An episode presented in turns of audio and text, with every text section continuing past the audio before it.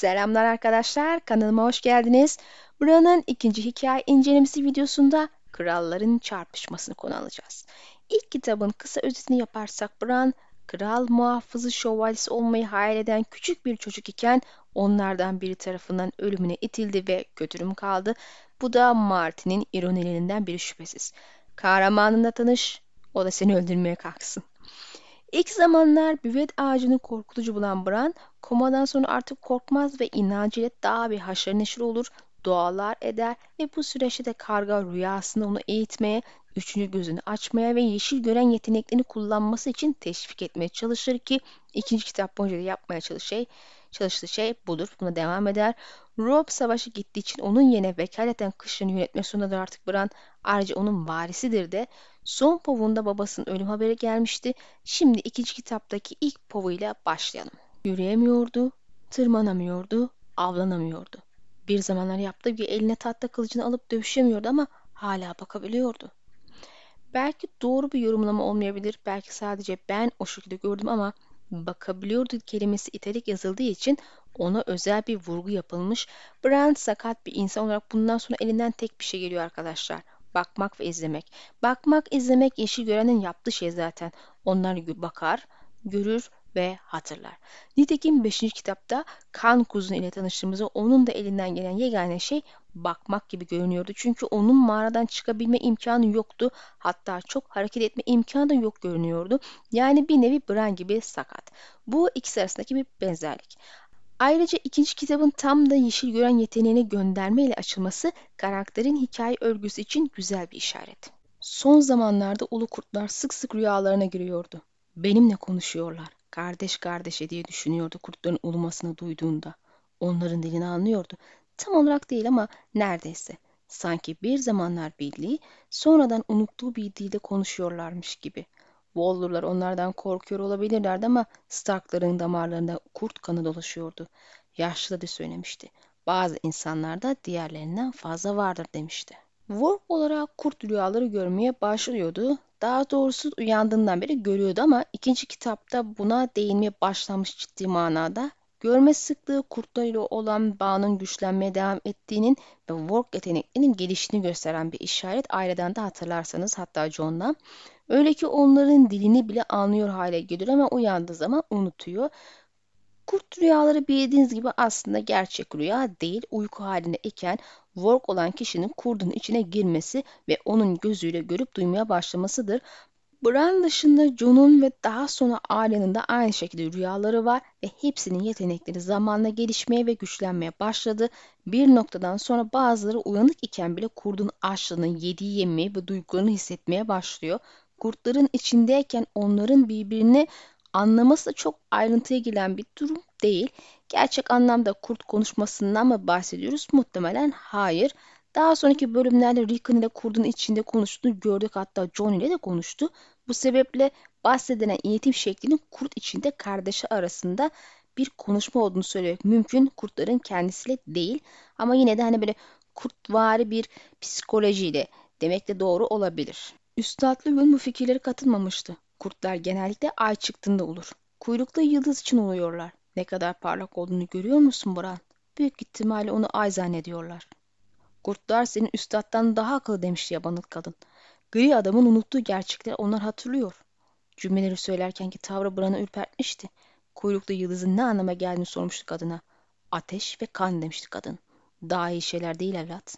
Bunun yorumunu Ulu Kurtlar ve Kırmızı Kuyruklu Yıldız videomda yapmıştım ama tekrarda beis yok. Yaz ve tüylü köpek son dönemlerde her zamankinden daha fazla olmaya başlıyor ve brand sebebini merak ediyor. Herkes kendi fikirlerini belirse de üstad daha farklı bir şey söylüyor. Kurtların özelliklerinden birine vurgu yapıyor ama o şeye göre kurtlar insanların unuttuğu gerçeği anımsayarak kuyruklu yıldıza tepki veriyor ve verdikleri tepkinin iyi manada olmadığını söylüyor. Yabanıl bu işaretin ateş ve kan olduğunu söyleyerek ejderhalar demek istiyor. Aynı şekilde yaşlı dadı da kuyruklu yıldızın ejderhaların geldiği işaret olduğunu söylüyor. Öyle ki kokusunu aldığını dahi iddia ediyor yıldızın. Ejderha demek ateş ve kan demektir ve muhtemelen diyarda ejderha olduğu dönemlerde bile yabanlılar hiç ejderha görmemelerine rağmen onları kötü işaret olarak kabul ediyorlar. Biliyorsunuz ejderhalar surun ötesine geçemez ve kuzeye gelen tek ejderha da iyi kraliçenin ejderhası ve sonrasında da Jess Belleronk'iydi. Bu bence çok ilginç. Yani unutulan gerçekler ve ejderhaya kötü tepki belki de 5000 yıl önce yaşanmış olayların kültürel olarak üstü kapalı hala hatırlanmasından kaynaklıdır. Geçmiş küçük kuramlar videomda Targaryen'ın daha evvelden gelip gelmemiş olduğuna dair sorgulamasını yapmıştım. Ya da başka ejderha lordlarının. Bu tepkiye paralel gibi duruyor. Netice olarak kurtlar ejderhaların dönmesini kötüye işaret olarak görüyorlar. Eğer hatırlıyorsanız önceki videoda at binme sahnesinde Rob ve Bran kurtların uğursuz, huzursuzluğuna işaret etti. Kral topraklarında olan bitenler ve bunların sebep olduğu tetiklenmeyle savaşın başlamasına da işaret eden tepkilerdi bunlar. Şimdi de aynı tepkiyi ejderhalığın dönüş için veriyorlar. Yani açıktır ki Starklar ve Kuzey hatta belki diyarın kalanı için ejderhalar kötü haber demek. Bran bir zamanlar bu yapıların içindeki ve dışındaki bütün taşları avucun içi gibi bilirdi. Herhangi bir çocuğun yolda yürüdüğü kolaylıkla hepsini tırmanmıştı. Çatılar onun gizli sığınaklarıydı. Yıkık kulenin tepesine yuvalanmış kargalar en iyi arkadaşlarıydı. Ve sonra düştü. Belki çok bir şey ifade etmiyor ama kargaları bir zamanlar en iyi arkadaş olarak tanımlaması ilgimi çekmişti. Özellikle üç gözlü karga tarafından sürekli izlendiği ve halif olarak seçildiği ve rüyalarını ziyaret ettiği düşünülürse. Bu şarkıların ne anlama geldiğini bilmeliyim. Rüyalarında dağlara tırmanabiliyordu. Bütün kulelerden daha yüksek buzlu dağlara. Zirveye çıkıyor, dolunayın tam altında duruyordu. Eskiden olduğu gibi dünya ayaklarının altına seriliyordu. Uuu diye bağırdı çekinerek. Ellerini ağzına iki yana götürdü. Başını kuyruklu yıldıza doğru kaldırdı. Uuu diye ulumaya başladı. Kulağa aptalca geliyordu. Bir çocuğun tiz, güçsüz ve sığ çığlığıydı bu. Bir kurdun uluması değil. Buna rağmen Yaz cevap verdi ve tüylü köpek ona katıldı. Bran tekrar uludu. Sürüden geri kalanlar birlikte şarkı söylüyordu. Sesi kapıya bir nöbetçi gelmesine sebep oldu. Burnunda kocaman bir yağ bezesi olan saman kafa penceresinde ulayan Boran'ı görünce iyi misiniz prensim diye sordu. Ona prens dememeleri kendisini garip hissetmesine sebep oluyordu ama sonuçta o Rob'un veliahtıydı ve Rob Kuzey Kralı ilan edilmişti. Kapısı kafasını çevirip nöbetçiye doğru ulmaya başladı. Uuu. Bran kurtların uluduğu zaman yaz tuttuğunu ve bu sefer kim için yaz tuttuğunu sorguluyor. Eğer haklıysa bu durumda ileride olacaklar için olsa gerek ki zaten şu ana kadar anlattıklarımız uyumlu ilerliyor. Onlar ölümü, felaketi ve kötü olacakları sezen canlılar. Gamlı baykuş sözünü burada gamlı ulu kurtlar diye söylemek mümkün olabilir. Daha sonra onların şarkılarına katılarak bir kurt gibi ulumaya ve kurtlarla konuşmaya çalışıyor ki onlar da ulumaya karşılık veriyorlar. Aynı şeyi daha sonra Aile de yapıyor. Naimeria ve diğer kurtlarına. Diğer yandan kurt ulumalarının şarkı olarak betimlenir. Sık sık tüm ulu kurtların aya doğru şarkı söylediği betimlenmesini diğer kitaplar boyunca da tabii ki göreceğiz. Mitoloji videolarımdan ve bağlantılı diğer videolardan hatırlayacağınız üzere kurtlar ay hayvanıdır ve ay da buz ve su ile ilişkilidir. Son bölümde Bran'ın Rob'un Kışça'nın veliahtta olduğu vurgusu yeniden yapılıyor. O artık bir prens ve bunu garipsiyor. Doğaldır zira alışık değil. Lakin daha önceki videoda da söylediğim gibi temelde bu tür varis betimlemesinin karakter örgüsü için bir işaret taşımadığı aşikardır. Zaten foreshadowing'ler gösteri gösteri bağırarak yapılmaz. Ağaçlar rüya görür mü? Ağaçlar? Hayır. Görürler dedi Bran kendinden emin bir tavırla. Onlar ağaç rüyaları görür. Bazen rüyamda bir ağaç görüyorum. Tanrı korusundaki büvet ağacına benziyor. Bana sesleniyor. Kurtlu rüyalar daha güzel. Kokular alıyorum. Hatta bazen kanın tadını hissedebiliyorum. Bran'ın ağaçların konuştuğunu duyması ve daha sonra da kurt rüyalar üzerinde biraz daha betimlemeye gitmesi.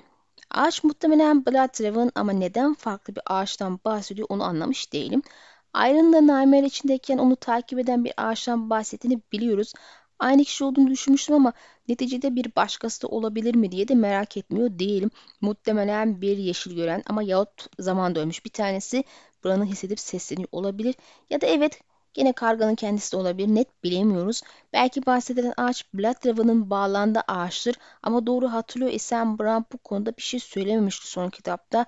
Diğer yandan bu alıntı Bran'ın ağaçlar olan bağının güçlenmesi olarak yorumlanabilir. Sir Roderick Jon Snow eski odasını kuzenlere vermişti. Jon Snow gece nöbetçilerine katılmıştı ve asla geri dönmeyecekti. Bran bundan nefret ediyordu. Freyler Jon'un yerini almaya çalışıyordu sanki. Martin'in taslağını anlattığım mektupta üstü kapatılan kısımları çözmeye çalışanlar olmuştu. Asla yüzde yüz doğru olduğunu teyit edemeyiz belki ama eğer doğru ise Bran ve Jon arasında bir çeşit düşmanlık gelişmesi düşünülmüş ya da öngörülmüş. Sura gelip yardım istediğinde de yardım etmemesi üstünden e, Jon'a karşı öfkeli olduğu vurgusu zaten vardı. İlgili videoda hatırlayacağınız üzere Martin hikaye örgüsüne sadık kalsa da olay örgüleri konusunda esnek bir değişken davranmıştı yazarken yine bundan yola çıkarak iki kardeş arasında bir sorun olup olmayacağını düşünenler var. Bunun için altyapı gerekli şüphesiz ve işaretler tabi. Şahsen ben daha böyle bir şey göremedim. İlk bölümden itibaren John ve Bran arasındaki ilişki oldukça sıkı fıkı ve kötü tek bir his ve düşünce dahi yok. Bu alıntıda göreceğimiz üzere Valdurların Jon'un odasına yerleşmesi bile öfkelenmesine sebep oluyor ve onun yerini almaya çalışıyorlarmış gibi hissediyor. Rickon ilk başlarda onlardan hoşlanmasa geçti orada oyunundan sonra tersine karar veriyor ve birlikte vakit geçiriyor. Hatta mahzen mezarlara dahi götürüyor ki Bran bundan da hoşlanmıyor. Oraya götüremezsin onları buna hakkın yok orası bizim evimiz diyor. Sanırım Bran'ın Voldurlardan hoşlanmama sebebi genel olarak Jon'un yerini almaya çalışıyor hissiyatı vermesi ve Rickon'un bile onlardan hoşlanmasından ve vakit geçirmesinden gelen bir çeşit kıskançlık. Onlar oyun oynarken oynamamak ve bundan dolayı hissettiklerini unutmamak gerekir. Bran tüm bunlardan uzak, dışarıda kalmak zorunda. Sizin anlayacağınız küçük prenses bir çeşit bunalım geçiriyor haklı olarak. Kardeşinin kokusunu da alıyordu. Tanıdık, topraksı, güçlü ve tüyleri kadar kara bir esans. Kardeşi öfke için duvarlar boyunca koşuyordu. Bıkmadan, yorulmadan, gece gündüz, çember çizerek arıyordu. Bir av, bir çıkış yolu, annesini, kardeşlerini, sürüsünü arıyor, arıyor ama bir türlü bulamıyordu. Tüylü köpeğin hissiyatı ve arayışı aslında Rickon'a ait. İkisi kurt rüyası görüyor. Sürü arayan bir diğer karakterimiz de idi. Arıyor ama bulamıyor Rickon ve tabi olarak da bu öfkesini arttırıyor. O kadar vahşileşmesi boş yere değil yani. Oğlan gitgide yabanıl hale geliyor bence. Rick'ın geleceği en tahmin edilemez Stark hatta karakterlerden biri benim için. Dünya özelliklerine kapanmıştı. Ama duvarlarla çevrili ormanın ötesinde hala o gri devasa mağara duruyordu. Hatırladı. Kış yeri. Aniden sesi duydu. İnsan elinden çıkmış gökyüzü kadar yüksek tepelerin arkasındaki gerçek dünya onu çağırıyordu. Ya cevap verecekti ya da ölecekti biliyordu. Yeniden okunmasını tavsiye ederim. Oldukça ayrıntılı bir betimleme olmuş o POV ve Warkurt arasındaki bağ güzel yansıtılmış. Rüya ve Pov'un bitiş pasajı yukarıdaki gibi ve oldukça ilginç. Ya cevap verecek ya da ölecekti. Bu muhtemelen yeteneklerini kabullenmesi ve olduğu şeyi betimle, benimsemesi gerektiğine dair bir işaret. Bunu yapmaz ise ciddi manada ölüp gidecek. Sahip olduğu yetenekleri benimsemesi onu ve belki de başkalarını kurtarması için gerekli bir şey. Bu belki Şafak Savaşı'na işaret ediyor veya başka şeyleri. Kesin bu diyemeyiz. Belki her şeyi işaret ediyor. Fakat önemli olan şey Bran'ın ne olduğunu kabul etmekten başka çaresinin olmadığının vurgusu bu. O da bir yeşil gören olması. Dinle. Belki lordluk hakkında birkaç şey öğrenirsin demişti Üstad Lüvin. Bran prens olmayı asla istememişti. Şövalye olmayı düşlemişti her zaman. Parlak bir zırh ve dalgalanan sancaklar, mızrak ve kılıç, bacakların arasında bir savaş atı. Neden bütün gününü ancak yarısını anlayabildiği yaşlı adam konuşmanı dinleyerek geçirmek zorundaydı? Çünkü sen kırıksın diye hatırlattı içindeki ses. Minderli koltuğunda oturan sakat bir adam lord olabilirdi. Walder'lar lord büyük babalarının yürüyemediğini, her yere tahtaravanla taşındığını söylemişti. Ama bir şövalye olamazdı. Bran'ın görevi yaşlı adamlarla ilgilenmekti. Sen ağabeyinin veliahtısın ve şu anda kış yerindeki tek erkek Stark'sın demişti Sir Roderick. Babaların yokluğunda kışlarına gelen Rob'ları ve sancak beylerini Rob'un ağırladığını hatırlatmıştı. Galiba Rickon'u erkekten saymıyorlar. Arya'nın bir lady ya da prenses olmayı hiç istemediği gibi Bran da hiçbir şekilde prens ya lord olma derdinde olan bir çocuk değildi. O şövalye olmak istiyordu ama sakatlı artık buna mani olduğu için istemeye istemeye Rob'un varisi olarak kış yarında bir lord prens olmayı öğrenip o şekilde davranması gerektiği salık veriliyor. İstemese de bu hayatı kabullenmek zorunda çünkü o kırık. O da kaderine yavaş yavaş razı olmaya başlıyor gözüküyor. Belki bu kısım buranın hanesinin geleceği olabileceğine dair bir işaret olarak yorumlanabilir. Sonraki pavada hasat festivali için lordlar geliyor. Bunlardan biri de bizim Buffalo lordumuz Manderley. Çok seviyorum adamı niyeyse. Diğerleri gibi onun da talepleri var ama işlerinden bir tanesi çok dikkat çekici ki daha evvelki videolarda üstünde durmuştum. Darphaneye ek olarak Kral Rob için bir savaş donanması kurulması gerektiğini söyledi. Yüzyıllarla denize kuvvetli değiliz. Yangın Bran'ın babasına ait gemileri ateşe verdiğinden beri. Bana gerekli altın sikkeleri verin ve bir yıl içinde ejderha kayasıyla kral topraklarına aynı anda çıkarma yapabilecek bir donanma kurayım. Savaş gemileri Bran'ı heyecanlandırmıştı. Kimse onun ne düşündüğünü sormuyordu ama Bran'a göre Lord Wyman'ın fikri harikaydı. Rub'un para gönderip göndermediğini bilmiyoruz aslında ama muhtemelen hiç fırsat bulamadan kızılığın gerçekleşti. Lord Manderley her şekilde bu fikri hayata geçirmiş. En az 30 ila 40 arası bir savaş gemisi inşa etmişti. Bunların ileride ne tür fayda sağlayacağını evvelden konuştuğumuz için tekrara girmeyeceğim. Sadece hatırlatmak istedim. Daha sonra Lady Hornwood geliyor. Kocası Yeşil Çatal Savaşı'nda ölür. Tek oğlu da Fısıldayan Orman Savaşı'nda. Geriye varis kalmadığı için Lady şimdilik ailenin tek lideri konumda aynı Lady Dustin gibi. Doğal olarak kaleye ve topraklara sahip olmak için birçok talip var. Lord Manderley bunlardan biri ama asıl talipli Bolton Piçi Ramsay. İki ailenin toprakları da Hornwood toprakları sınır. Bu sebeple ortada bir sınır genişletme çabası olduğu görülüyor ama Ramsay'in arzusu bir piç olduğu için bundan daha fazlası elbette. Bolton'un piçi dehşet kalesinde adam topladı uyardı Lady. Topladığı adamları ikizlerde savaşan babasının ordusuna katmasını umut ediyorum. Kendisi ile ilgili ilk bilgi burada duyuyoruz Ramsey ile ilgili. İki sene evveline kadar annesiyle yaşayan çok az kişinin tanıdığı Ruz'un oğlu Dominic öldükten sonra kaleye getirilmiş olan Ramsey'in ileride daha fazla adını duyacağız ve kendisini tabii ki de göreceğiz. Doğrudan buranın başına bela olduğu için ilk elden onun pavuğunda okumak elbette önemli bir ayrıntı. İsim referansı duyduğun kişileri illaki görürsün muhabbeti yani. Bundan başka kadının elbette ki talipleriyle evlenmeye niyeti yok. Zaten yaşlı ama görünüşe göre Saul Roderick ile evlenmeye hevesli adam ilgilenmese de. Bundan öte hanenin sonraki yöneticisi kim olacak sorunsal da çözüme ulaşmalı. Çünkü öyle veya böyle sahipsiz kalacak bu topraklar. Kuzeyde bir çatışmanın fitini ateşleyeceklerdi. Bu yüzden tehlikeli görülüyor. Ölen Mehrim Lord'un Glover'lar tarafından himaye edilmiş bir piç olduğu öğrendiğinde Bran bir çözüm önerisi sunar. Lord Holmwood'un piçinin veliaht olmasına izin verin o halde dedi Bran üvey ağabey John'u düşünerek. Piçle ilgili fikrin hayata geçebilir Bran dedi Üstad Lüvin. Bir gün çok iyi bir kışır lord olacaksın buna eminim. Hayır olmayacağım. Bran lord olmay alamayacağını biliyordu. Tıpkı şövalye olamayacağını bildiği gibi. Rob bir Frey kızıyla evlenecek. Siz söylemiştiniz. Boğdular da aynı şeyi söylüyor. Oğullar olacak ve Rob'dan sonra lordluk onlara kalacak bana değil. Bu doğru olabilir Bran dedi Sir Roderick. Ama ben üç kez evlendim ve karılarım bana sadece kız evlat verdi. Şimdi yalnızca Beth var. Erkek kardeşim Martin'in dört güçlü oğlu oldu ama sadece Jory bir erkek olabilecek kadar yaşadı. Jory katledildiğinde Martin'in soyu bitti.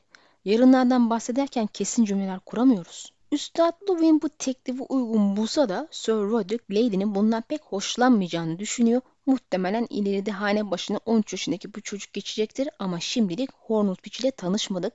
Her ne kadar aşağı daha sonra Glover'ların kalesini ele geçirse de ve sonra Stannis tarafından özgürleştirilmiş olsa da oğlandan bahsedilmez. Sadece kitabın eklerinde orada tutsak olduğu yazıyor. Acaba Martin Pitch'in varlığını unuttu mu diye de merak etmiyor değilim yani. Bu tek cümlelik öneriye Bran'ın iyi bir hükümdar olacağını işaret gibi yorumlayanlar var iyi bir hükümdar olmasını işaret için böyle basit bir öneriden fazlasına ihtiyaç var arkadaşlar. Yani teknik olarak buranın yönetmekle ilgili dersleri ilk kitapta Ned'in ona kaçağı idam etme sahnesinde başlamıştı hatırlıyorsunuz. Ondan sonra da zaten teknik olarak babasının eğitim alma şansı da olmadı. Europ'tan sonra kaleyi yönetenler Luwin ve Roderick oldu. E, Bran'ın konuşmasını istemediler bile ve gelen geçen lordları karşılamasında, bulu, karşılamada bulunmasını sağlayarak izleyip dinleyerek öğrenmesini salık verdiler. Tabi bu da bir çeşit eğitim.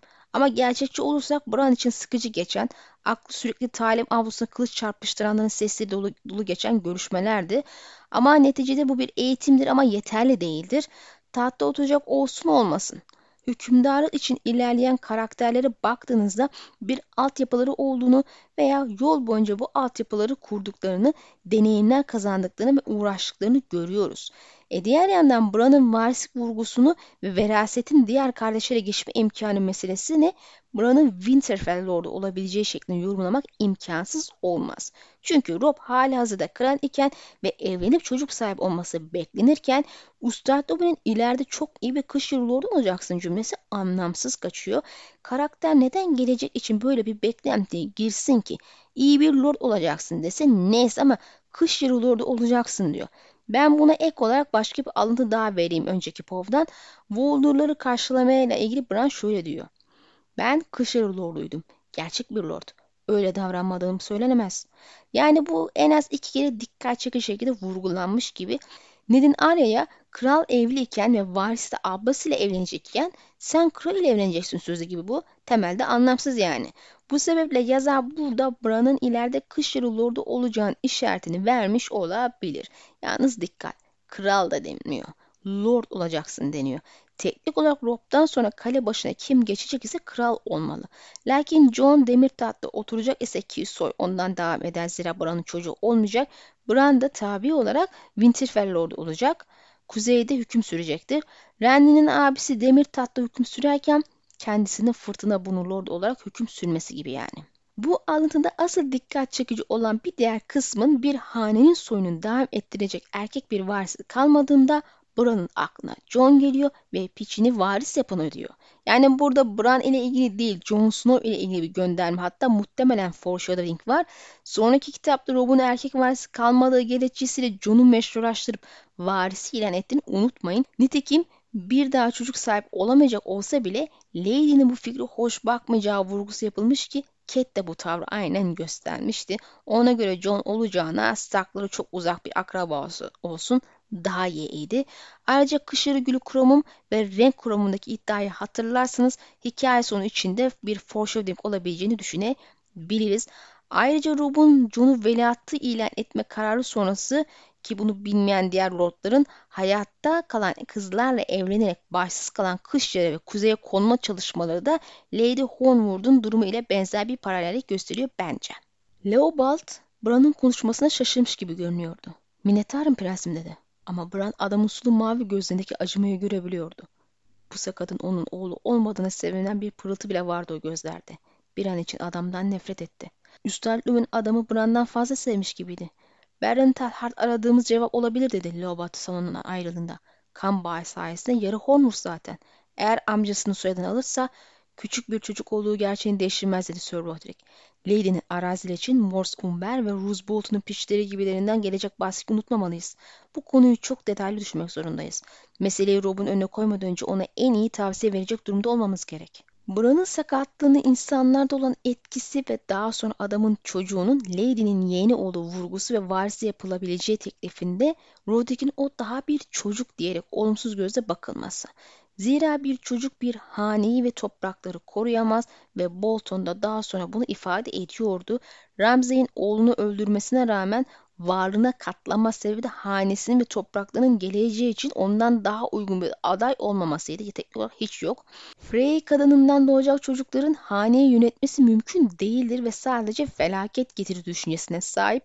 Mevcut şartlar göz önünde tutulduğunda düşmanlara ve güçlü rakiplere karşı aileyi ve toprakları korumaktan noksan bir çocuk Lordların gözünde bir felakettir.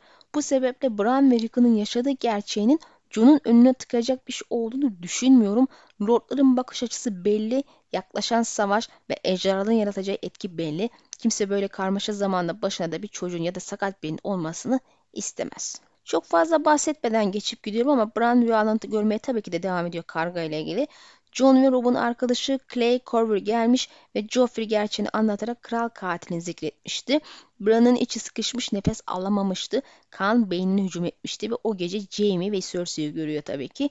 Karga hala onun yetenekleri konusunda teşvikler yağdırıyor ama Bran bastırdığı Jaime anısını silek de olsa tekrar görüyor ve olanları hatırlıyor. Fakat yine de çok emin olamıyor. Bu gördüğünün en kötü rüya olarak zikrediyordu. Kışın adamları aşağıdaki sıralarda kasaba halkı yakın köylerden dostları ve misafir lordların refakatçiyle birlikte oturuyordu. Brand sıralardaki yüzlerden bazılarını daha önce görmemişti. Bazılarını kendi yüzü kadar iyi tanıyordu ama bütün suratlar aynı derecede yabancı görünüyordu ona şimdi. İnsanları uzaktan izliyor gibiydi. Hala odasındaki penceresinin kenarındaydı sanki. Avluyu seyrediyor, her şeyi görüyordu ama hiçbir şeyin parçası değildi. Hasat Festivali sahnesi, buranın bu düşünceleri bence ilginç. Çünkü yeşil görenin olayı da aynen budur. Her şeyi uzaktan izler ve görürler ama hiçbir şeyin de parçası değillerdir. Bran da şu ana kadar kamera vazifesi görüyor aslında arkadaşlar. Biz olan bitenleri gösteriyor ama olayların parçası olmaktan da uzakta. Hala buranın bir yeşil gören olma kaderi işleniyor, vurgulanıyor yazar tarafından. Başarılıydın Bran. Kalabalığa gayet güzel hitap ettin. Bir gün çok iyi bir lord olacaksın. Ben şövalye olmak istiyorum. Festival zamanında Bran'ın ağabey yerine vekaleti şu ana kadar gayet güzel başarılı geçiyor. Bran bir lord gibi konuşuyor ve uygun şekilde misafirlerini ağırlıyor. So Roderick ve Üstad Lewin bu durumdan gayet memnunlar ve onun bir lord olmayı öğrendiğini ve ileride de iyi bir lord olacağından çok emin olduklarını bilmem kaçıncı defa da tekrar ediyorlar. Gördüğünüz gibi evet çok sık tekrar eden bir cümle bu. Lakin Bran hala lord değil şövalye olmak istiyorum diyor ama yapabileceği bir şey tabii ki de yok. Daha önceki Lord alıntısında Bran'ın ileride Winterfell Lord'u olacağına dair bir işaret olabileceğini söylemiştim. Ama şimdi başka bir olasılıktan daha bahsedelim arkadaşlar. Yeminleme sanatından.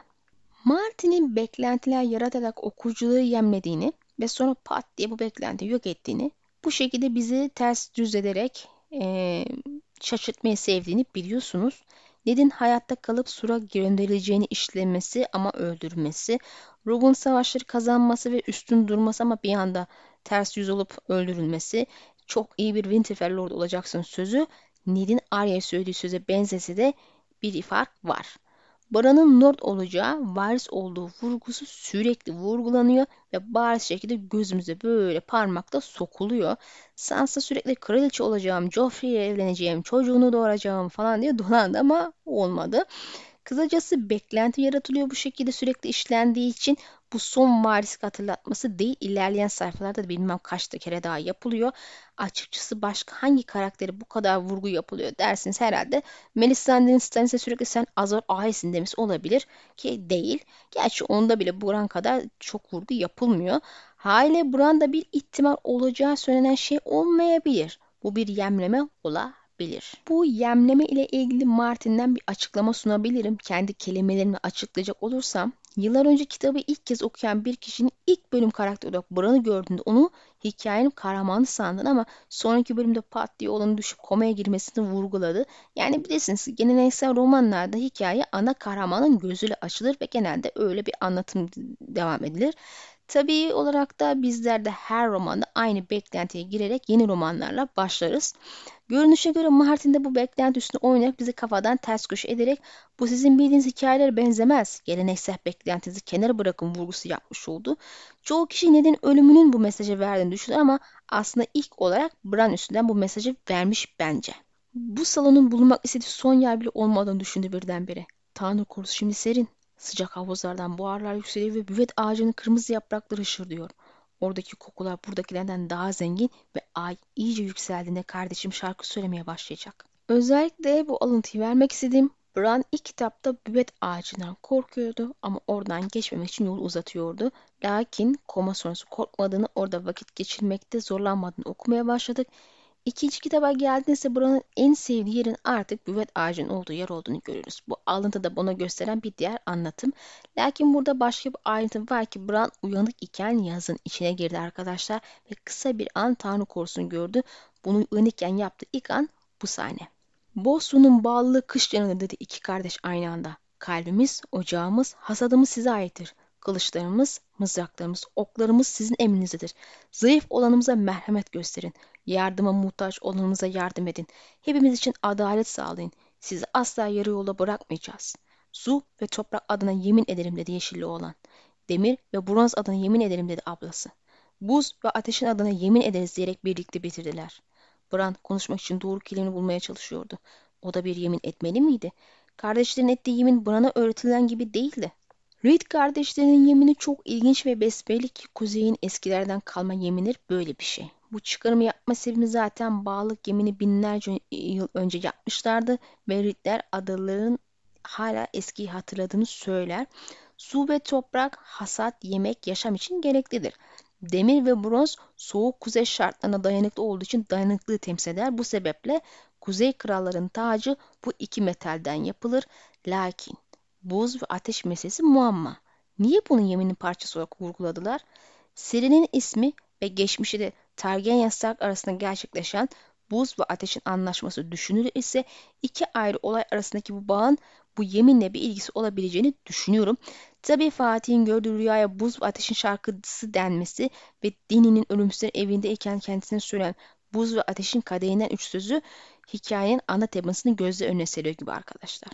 Konuyu çok dağıtmak istemiyorum ama buz ve ateş aslenleri birbiriyle savaşan iki başak güç olarak karşımıza çıkıyor biliyorsunuz. Bu savaşta mevsimsel dengesizliklere sebep oluyor. Martin savaş karşıtı bir adam. Adalılar eskiyi hatırlıyor ve Lord Reed'in Yüzler Adası'na gidip yeşil adamlarla muhtemelen yeşil gören ile iletişim var ki en az bir mevsim yanlarında kalmıştı. Yani onlardan çok şey öğrenmiş olmalı. Kuzey'in ve Stark'ın unuttuğu şeyleri haliyle buz ve ateşi yemin etmek bir nevi ikisi arasındaki arzu edilen barış ve denge ahengi işaret olabilir. Hatta ilk insanlar ve ormanın çocuklar arasında yapıldığı söylenen anlaşma bile doğrudan bununla ilgili olabilir. Şarkıcı Biten Gece isimli şarkının gece nöbetçileriyle ötekilerin mücadelesini anlatan bölümünü söylemeye başladığında Umber boruyu öttürdü.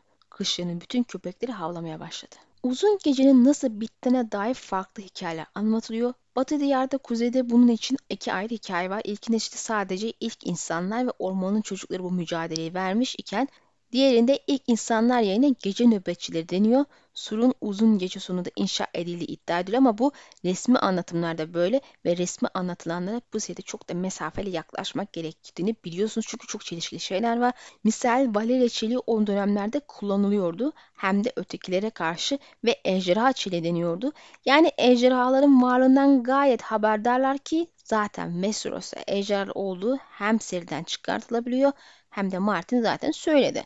Belki de gece nöbeti söylenin aksine uzun gece sırasında kurulmuştur. Bu şarkının ve içeriğinin anlatımı yukarıdaki alıntıdan sonra gelmesi de benim buz ve ateş yolumla ilişkili olabileceğini düşündürdü. Zincirleri nasıl kıracağım Jorgen diye sordu Bran. Gözünü aç. Gözlerim açık. Görmüyor musun? İkisi açık dedi Jorgen parmağını uzatarak. Bir, iki. Sadece iki gözüm var. Üç gözün var. Üçüncü gözün sana karga verdi ama onu açmıyorsun. Ağır ağır yumuşak bir sesi konuşuyordu. İki gözle yüzümü görebilirsin. Üç gözle kalbimi. İki gözle şu meşe ağacını görebilirsin. Üç gözle o ağacın büyüdüğü ilk tohumu ve yıllar sonra dönüşeceği kökü. İki gözle duvarla ötesini göremezsin ama üç gözle yaz denizine ve surun ötesine bakabilirsin. Bu alıntıdan anladığımız kadarıyla üçüncü göz yeteneği ona karga veriyor ama Bran bir türlü açmadığı için Reed kardeşleri gönderiyor ve yanına getirmesini söylüyor. Şu rüyalarda Jojen'e veren aynı kargaymış. Bu durumda bana Star çocuklarına ulu kurtları göndererek Work yeteneklerini uyandıran kişinin karga olduğu kanaati oluşturuyor. Bu konuda birçok okuyucu benzer görüşte zaten bir Asoyev kanalında kuzeyin ilahlarından bahsinin aslında yeşil gören olduğu fikrini duymuştum. Bu bana mantıklı gelmişti. Size daha evvelden zaten birkaç kere bahsettim bunda. Durum bu ise tarih boyunca o kadar çok yeşil gören oldu ki hepsi ölünce büvet ağaçlarıyla bütünleştiği için kuzey ilahları olarak anılan güçlerin isimleri ve sayısı bilinmiyor. Yani gerçekten aynı kişiler olabilir. Aile kurtları bir şekilde karga da göndermiş olabilir. John kurtların eski güçlerle bağlantılı olduğunu düşünüyor. Bu durumda onlarla bağlantı olan Blood River'ın bir şekilde göndermiş olması şaşırtıcı olmaz. Tabi suru nasıl geçirmiş, yavruların sayısı ve cinsiyeti nasıl Stark'lara denk vesaire bilemiyoruz. Denenin ejderha yumurtası çatlatması ve yanmaması gibi nasıl bilinmeyen tek seferlik bir mucize gibi yaklaşmak gerekiyor gibi gözüküyor buna. Work, kanatlı kurt, şekil değiştiren, canavar. Kurt rüyalarını öğrenirse sana böyle diyecekler. Duydu isimler Bran'ı korkutmuştu. Kim diyecek? Kendi insanların. Korkuyla. Ne olduğunu öğrendiklerini bazıları senden nefret edecek. Bazıları seni öldürmeye bile çalışacak. Yaşladı bazen şekil değiştirenler ve canavarlar hakkında korkunç hikaye anlatırdı. Bu yaratıklar hikayelerde her zaman şeytan olurdu. Ben onlar gibi değilim dedi Bran. Değilim. Ona sadece rüya. Kurt rüyaların aslında rüya değil. Uyanık olduğun zamanlarda gözlerini sıkı sıkı kapatıyorsun ama uykuya daldığında gözlerin açılıyor ve ruhun diğer yarısını arıyor. İçindeki kudret çok güçlü. Ben kudret istemiyorum. Ben şövalye olmak istiyorum. Şövalye olmak istiyorsun ama Works'un. Bunu değiştiremezsin Bran. İnkar edip yok sayamazsın. Sen kanatlı kurtsun ama asla uçamayacaksın. Jojen kalkıp pencereye gitti. Eğer gözünü açmazsan iki parmağını birleştirip Bran'ın alnını sertçe dürttü. Bu çok önemli bir ayrıntı. Work yeteneği kuzeyde oldukça korkulan ve bu yüzden nefret edilen ve bazı zamanlarda bu nefret yüzünden öldürülmeye kadar giden bir sebep. Sur ötesinde de korkuyorlar ama dokunmuyorlar ama beraber de yaşamıyorlar bu Work'larla ya işte değeri değişenlerle. Onlar öteki unsur olarak canavar kabul ediliyorlar. Benim için asıl önemli kısım bir work için kanatlı kurt denmesi ve uçmak teriminin kullanılması. Uçmak için de gözün açılması gerekiyor zaten kaç kere vurgulandı. Bu durumda ailenin diğer work üyeleri için aynı şeylerin geçerli olduğu çıkarımını yapıyoruz. Ailenin kurduğunda kanatlar görmek istemesi ya işte John'un aslen ejderha olması dolayısıyla bir çeşit kanatlı kurt benzetmesi yapabilmemiz gibi şeyler yorumda olsa eklenebilir bunun şart olarak. Yani uçmak yeteneği öğrenip kullanmaya başlamayı temsil ediyor ve doğal olarak kurtları kontrol eden Work'larda kanatlı kurt olarak betimleniyorlar. George'un Rob'dan gelen haberleri işaret bir rüyadan bahseder. Gerçekleştiğinde Bran artık ona ve rüyalarına inanıyordur. Daha sonra Greyjoy'ların gelişini anlatan bir yeşil rüyadan bahseder. Ramsay'in leş olarak getirildiğinde onu da rüyasında gördüğünü ve Bran ile Rickon onu ayakları altında ölü gördüğünden bahseder.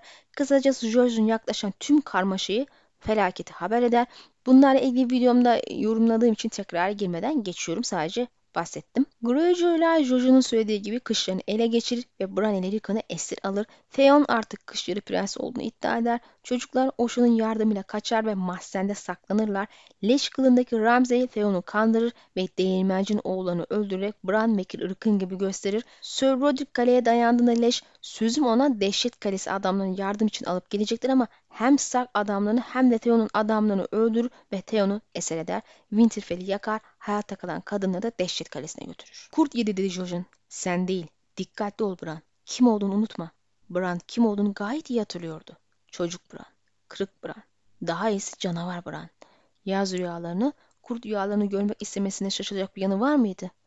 Ne zaman istese yazı ulaşabiliyordu ve bir seferinde hayrete bile ulaşmış John'la konuşmuştu. Belki de sadece düşlemişti bunu. Jojen onu neden sürekli geri çağırdığını anlamıyordu.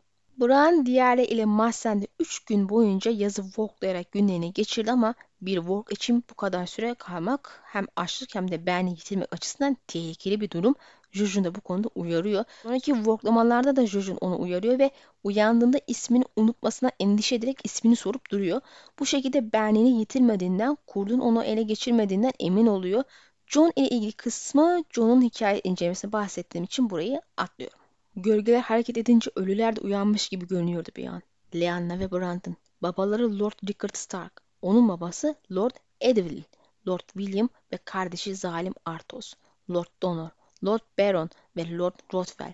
Tek gözlü Lord Jonel, Lord Barth ve Lord Brandon.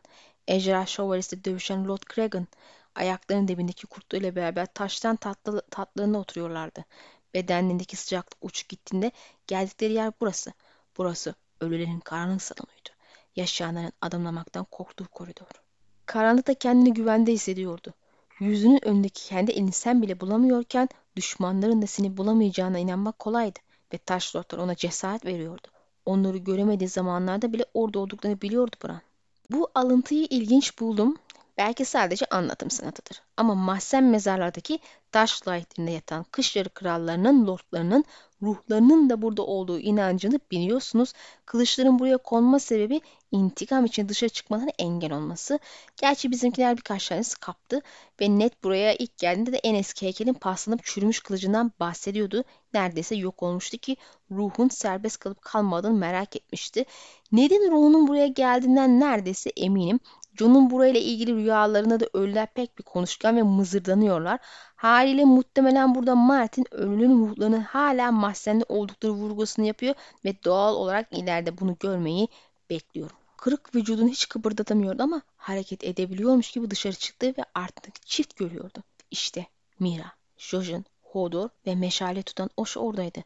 Çift sıralı yüksek sütunlar ve onların arkasındaki ölü lordlar karanlığın içine doğru uzayıp gidiyordu. Ama Duman yüzünden grileşmiş kışlarını da görüyordu. Büyük meşe kapılar kömürleşmiş, devrilmişti. Açılır kapanır köprünün kalasları kırılmıştı. Köprü bir zincir düğümün içine düşmüştü. Hendekte bedenler yüzüyordu. Cesetler karga adalarına dönüşmüştü. Bu ayrı bir hoş gelişme. Daha önce kısa bir an ziyafetteyken Tanrı konusunu görmüştü kurdun içine girerek ama şimdi Bran uyanık iken yazı yarım borkluyor. Aynı anda hem kendi bedenini gördüklerini hem de yazın gördüklerini anlatabildi. Bu sayede yukarıya çıkabileceklerini anlıyorlar. Üstadı büvet ağacın orada buluyorlar. Dinle dedi Üstad Oşa'ya.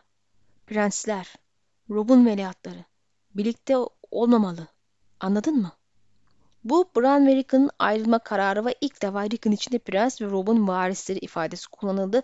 Bu ana kadar neden sürekli Bran için tek varis var ifadeler kullanıldığını hiç anlayamadım. Neyse yazar bu çocuğun da varis olduğunu hatırlamış. Güzel. Taşlar güçlü dedi Bran kendine. Ağaçların kökleri çok derine iniyor ve kış kralları yer altında tatlarında oturuyor. Bunlar var olduğu sürece kışları var olacaktı. Ölmemişti. Sadece kırıktı. Benim gibi diye düşündü Bran. Ben de ölmedim. Bran'ın Winterfell ile kendini bir tutması hoş bir ayrıntı ve belki de ileride olası lordluk meselesi için bir işaret olarak yorumlanabilir.